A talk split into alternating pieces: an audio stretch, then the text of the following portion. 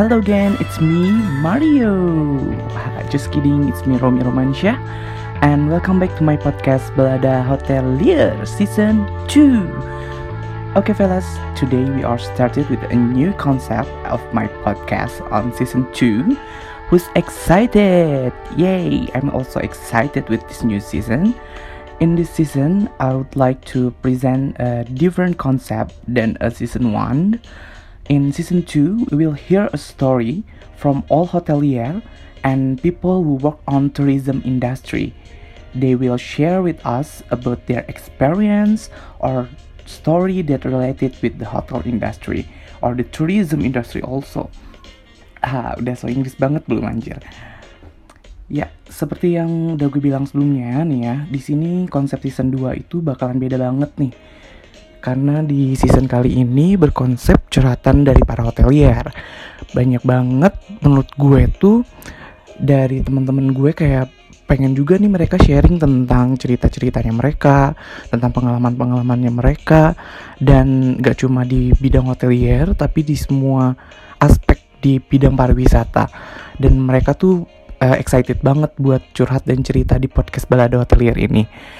Jadi buat kalian yang mau kirim cerita juga, curhatan atau pengalaman seru di dunia hotel atau di pariwisata, boleh banget nih langsung kirim ke email baladahotelier at atau DM langsung ke IG-nya di at baladahotelier atau juga bisa langsung DM ke gue di IG gue di at.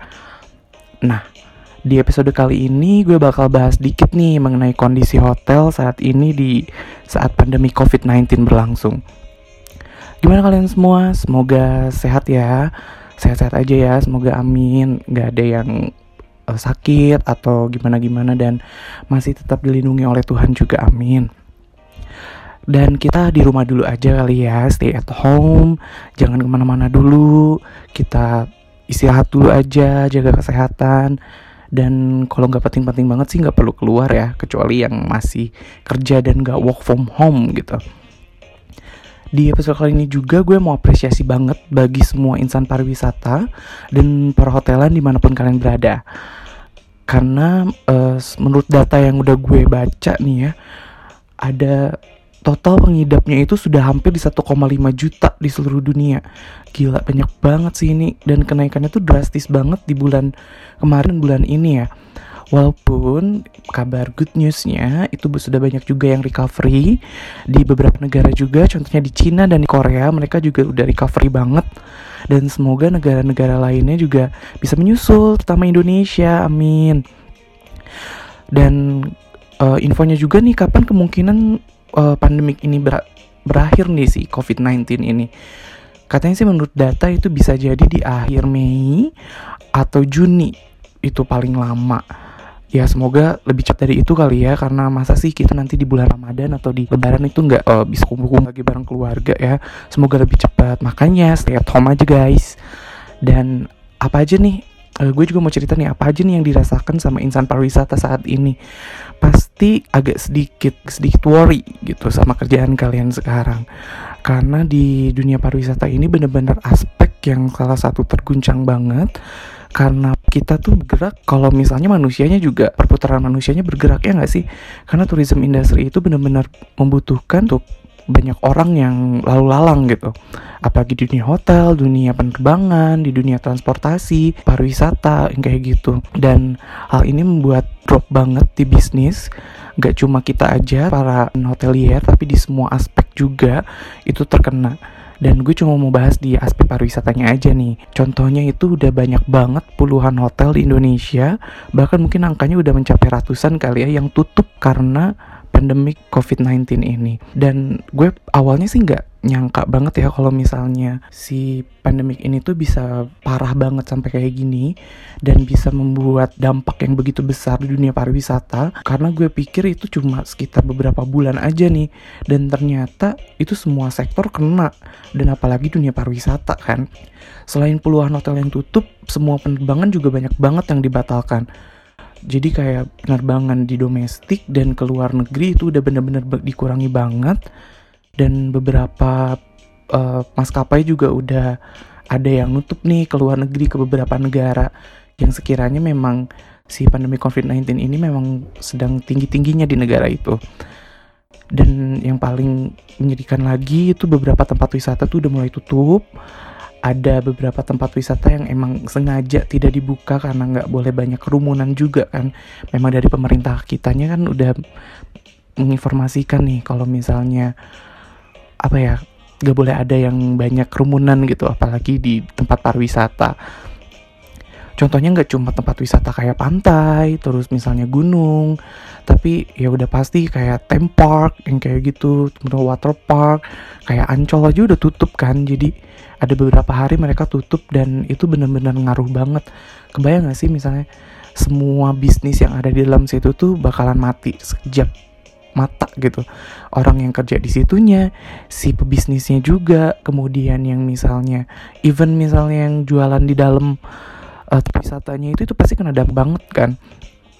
Dan uh, otomatis bener banget sih semua tempat makan juga yang nggak ada di tempat wisata pasti udah mulai sepi nih dan mereka mulai bikin sesuatu inovasi yang baru karena cuma diperbolehkan untuk way jadi mereka mau gak mau nih kayak tempat-tempat all you can eat yang biasanya kita tempat datang buat nongkrong. Mereka biasanya langsung buat sebuah inovasi untuk bisa di take away atau misalnya home service. Nah namanya tuh kayak gitu tuh guys. Nah tempat makannya lagi susah banget kan misalnya buat kita cari tempat buat makan karena apa ya? Nggak susah sih maksudnya tapi beberapa tempat makan emang udah menyatakan bahwa mereka akan tutup sementara gitu loh. Misalnya ada restoran yang lu pengen tapi ternyata mereka close dan kita juga cuma dikasih beberapa pilihan doang kan. Mall-mall juga di kota Bandung dan di seluruh Indonesia mungkin udah mulai ada yang tutup juga. Penutupannya mungkin lebih ke sementara ya. Kurang lebih sih yang gue tahu tuh baru sekitar tiga minggu, dua minggu atau satu bulan paling lama untuk si penutupan mall ini. Dan masih tetap buka, tapi untuk yang supermarketnya atau di bagian apoteknya itu sendiri. Jadi untuk yang keperluan-keperluan khusus seperti keperluan kita untuk memasak yang kayak gitu tuh masih buka guys.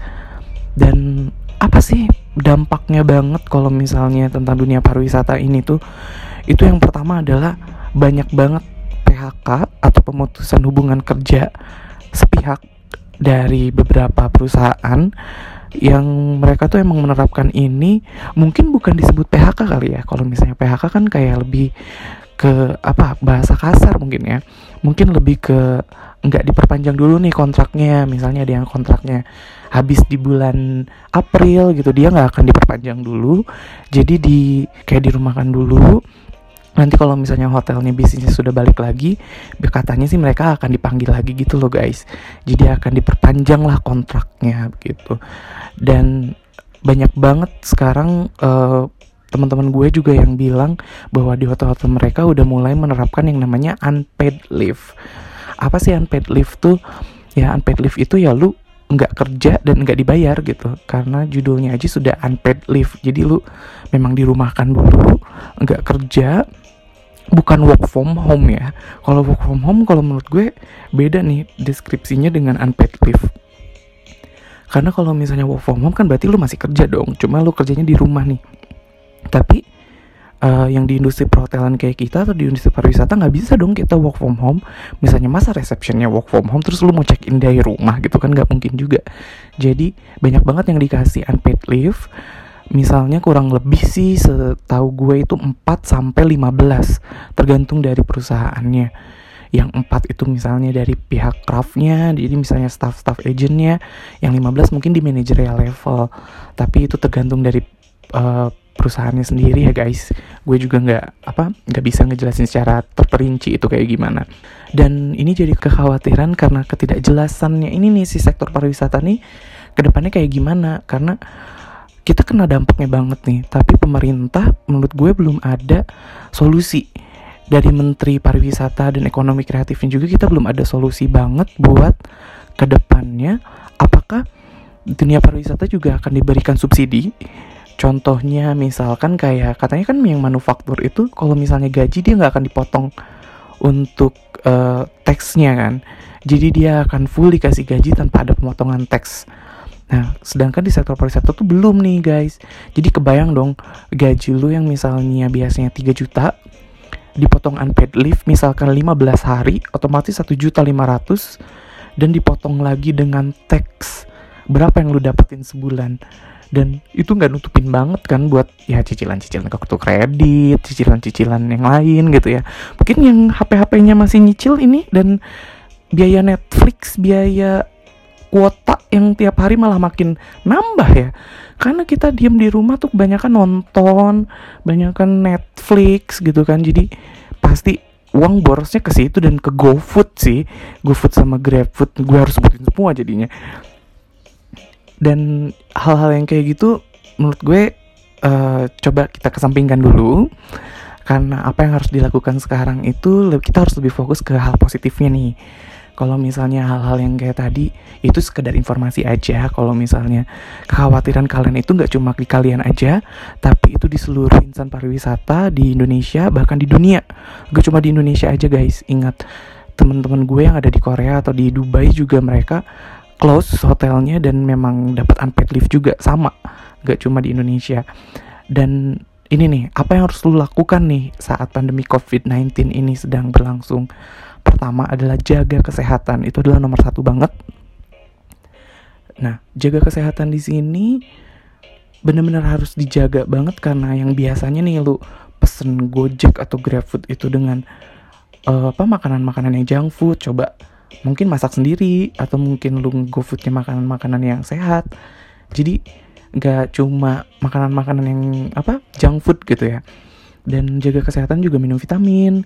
Terus sekarang ada diinformasikan harus pakai masker gitu kan. Dan juga minum vitamin agar kita jadi lebih sehat. Berjemur juga tuh. Ada informasi katanya berjemur. Masih sedikit simpang siur nih jam berapa untuk berjemur? Ada yang bilang 8 ke 10 ada yang bilang 9 ke 11 tapi menurut gue berjemur itu biasanya sih pagi-pagi ya. Mungkin sekitar jam 8 sampai jam 10 yang tepat menurut gue ya. Tapi coba lu semua searching lagi yang benernya itu di jam berapa karena kalau menurut gue kalau kesiangan kepanasan nanti malah jadi hitam. Malah nanti kalau misalnya lu masuk ke hotel lagi lu jadi dekil. Nggak bercanda deh. Itu sehat guys. Itu sehat banget. Dan selanjutnya apalagi sih yang bisa lo lakuin ketika pandemik ini berlangsung? Itu adalah manfaatkan keadaan sekarang. Menurut gue manfaatin keadaan sekarang tuh maksudnya apa sih? Ya manfaatin keadaan sekarang tuh untuk mengembangkan diri kalian loh. Banyak banget mungkin hobi-hobi kalian yang udah tertunda. Waktu kalian udah mulai masuk ke dunia hotel agak sibuk gitu kan. Jadi kalau misalnya kalian mau mengembangkan diri yang kayak gue nih sekarang mungkin gue lebih hobi ke podcasting sekarang atau misalnya uh, bikin novel yang kayak gitu. Lebih kayak gitu-gitu aja sih guys. Kalau misalnya kalian ada novel yang belum dibaca mungkin jadi kesempatan untuk kalian baca buku baca novel terus misalnya yang mau apa belajar melukis menggambar lagi gitu. Itu bisa banget. Dan jadikan ini sebagai momentum untuk itu. Jadi kalau misalnya kalian mikir aduh gue bosen banget nih tiduran tiduran bangun makan. Coba cari pengembangan diri kalian yang suka ngedance mungkin yang suka nyanyi bikin cover lagu. Coba kalian uh, kembangin lagi hobi kalian yang udah tertinggal lama dan terkubur gitu kan. Kemudian selanjutnya menurut gue tuh kalian tinggal bisa bisa banget nih dimanfaatin buat buat rencana atau planning. Rencana atau planning maksudnya gimana ya? Jadi karena ini ada uh, masih simpang siuran nih ya. Tiga bulan ke depan tuh kita kayak gimana sih bisnis gitu kan. Bisnisnya tuh akan lebih baik atau bahkan menurun atau misalnya nanti akan balik lagi itu coba kalian bikin planningnya. Mulai dari planning keuangan dulu nih menurut gue yang paling penting. Karena kalau misalnya keuangan otomatis kalian kan harus bisa mengatur nih di bulan pertama bulan kedua atau bulan ketiga ke depannya itu kalian harus pengeluaran kayak gimana. Misalnya ada yang khusus nih uh, tiap bulannya kalian misalnya bayar kosan, bayar buat makan, kemudian cicilan kartu kredit, atau misalkan yang udah cicilan motor, rumah, atau mobil gitu kan. Kalian hitung itu dulu, nanti barang-barang yang lainnya yang menurut kalian gak terlalu penting, itu bisa kalian hitung selanjutnya. Jadi lebih ke planning sama perencanaan uang tuh wajib banget. untuk tiga bulan ke depan ya guys itu tips dari gue terus planning apa lagi nih planning lainnya itu planning masa depan kalian dong kalau misalnya sekarang kalian lagi dapet kekhawatiran buat gue bulan depan abis nih kontrak misalnya apa nih yang harus gue lakuin planningnya ke depannya kalau misalnya gue habis kontrak dan gak diperpanjang misalnya gitu? Mungkin kalian mau buka usaha usaha makanan mungkin atau mungkin usaha yang lain kayak misalnya all shop, jualan baju, mungkin kalian bisa jual-jualin barang-barang kalian di Korsel atau apa pun itu dan itu bisa jadi sebuah tips kan buat kalian. Perencanaan yang kayak gini tuh banyak banget. Mungkin perencanaan ini selain karir juga perencanaan masa depan mungkin ada yang mau nikah. Gak saat-saat sekarang, ini waktunya banget buat kalian yang masih work from home, diam di rumah, merencanakan semua itu ke depannya. Dan selanjutnya juga pasti banget ini dan yang paling penting adalah stay positif. Kalian harus apa ya? Gue tuh selalu percaya bahwa kalau misalnya pikiran yang positif akan membawa keadaan yang positif juga. Ketika kita sudah berpikir untuk positif dan apa ya, kita berpikir bahwa semuanya baik-baik aja gitu dan itu akan kejadian gitu. Semuanya tuh baik-baik aja Gak perlu kalian terlalu worry, terlalu khawatir sama masa depan kalian gimana. Asalkan kalian merencanakan itu dengan baik, itu pasti akan jadi yang hal yang baik juga kok. Gue yakin itu. Semangat. Dan apa ya? Mungkin ada beberapa orang yang bilang gue sih bukan tipikal orang yang planning nih Rom gitu. Gue bukan tipikal orang yang ya gue sih uh, anaknya uh, YOLO banget gitu kan uh, you only live once katanya tuh jadi ya udahlah gimana nanti aja ya itu sih kan pilihan ya tapi menurut gue uh, untuk saat-saat sekarang nggak bisa nih lu bisa bilang you only live once. Ya emang lu hidup sekali tapi lu harus jalanin hidup sekali lu ini dengan yang baik. Iya nggak sih? Karena lu hidup sekali kan? Ya lu hidupnya dengan baik dong jangan dengan yang segimana nanti gitu kan. Nah uh, mungkin meskipun kita hotelier nggak bisa work from home dan ini jadi sektor yang benar-benar rentan juga untuk berhubungan dengan banyak orang jadi kita nggak bisa nih kalau misalnya menyebutkan dengan apa ya sekarang kan lagi musim banget yang namanya social distancing gitu ya. Dan kita yang kerja di hotelier tuh agak susah so buat uh, apa buat melakukan itu. Ngerti gak sih? Karena kan ini di bagian housekeeping, di bagian FO, FB itu akan berhubungan langsung dengan tamu kan, dengan klien gitu. Di dunia pariwisata tuh kita nggak bisa. Kayak kita harus bisa pakai apa ngirim proposal atau segala macam kan nggak bisa ya. Kita bisanya itu langsung benar-benar ketemu sama tamu gitu. Dan itulah yang membuat kalian harus benar-benar jaga kesehatan kalian.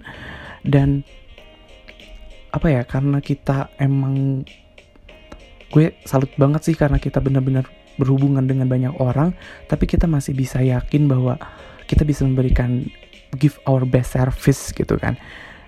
Yalah itu parah banget sih semangat sama pantang menyerahnya anak hotelier tuh. Dan inget guys, kita tuh bisa melewati semua ini. Ingat, kita udah banyak melewati banyak krisis, dimulai dari krisis terorisme, bom Bali, mungkin yang pernah kerja di Bali waktu ketika bom Bali tahu parahnya gimana pariwisata di Bali waktu turun atau bom di Jakarta di salah satu hotel besar itu gimana sih parahnya ketika orang-orang tuh nggak jadi trust lagi gitu nggak percaya lagi dengan hotel bahwa hotel aja bisa dibom gitu. Tapi kita survive. Even travel warning misalnya nggak boleh ke Indonesia karena banyak demo atau apa atau misalkan kita ada bencana alam segala macam jadi nggak diperbolehkan gini gitu sehingga pariwisata turun kita bisa melewati itu. Dan semua ini cepat berakhir. Semoga si pandemi ini benar-benar berakhir dan hilang agar kita bisa merasakan lagi yang namanya fully book overbook back to back back to back event sampai kita harus nganterin tamu ke hotel lain karena kamar kita full handling komplain karena kamarnya itu emang bener-bener udah nggak ada dan sampai kita harus bener-bener ngebersihin nih kamar OO buat bisa kita jual karena kamarnya full banget. Semoga kita merasakan itu lagi ya ngerasain lagi gimana rasanya dapat email ratusan buat reservasi, buat anak-anak sales gitu kan.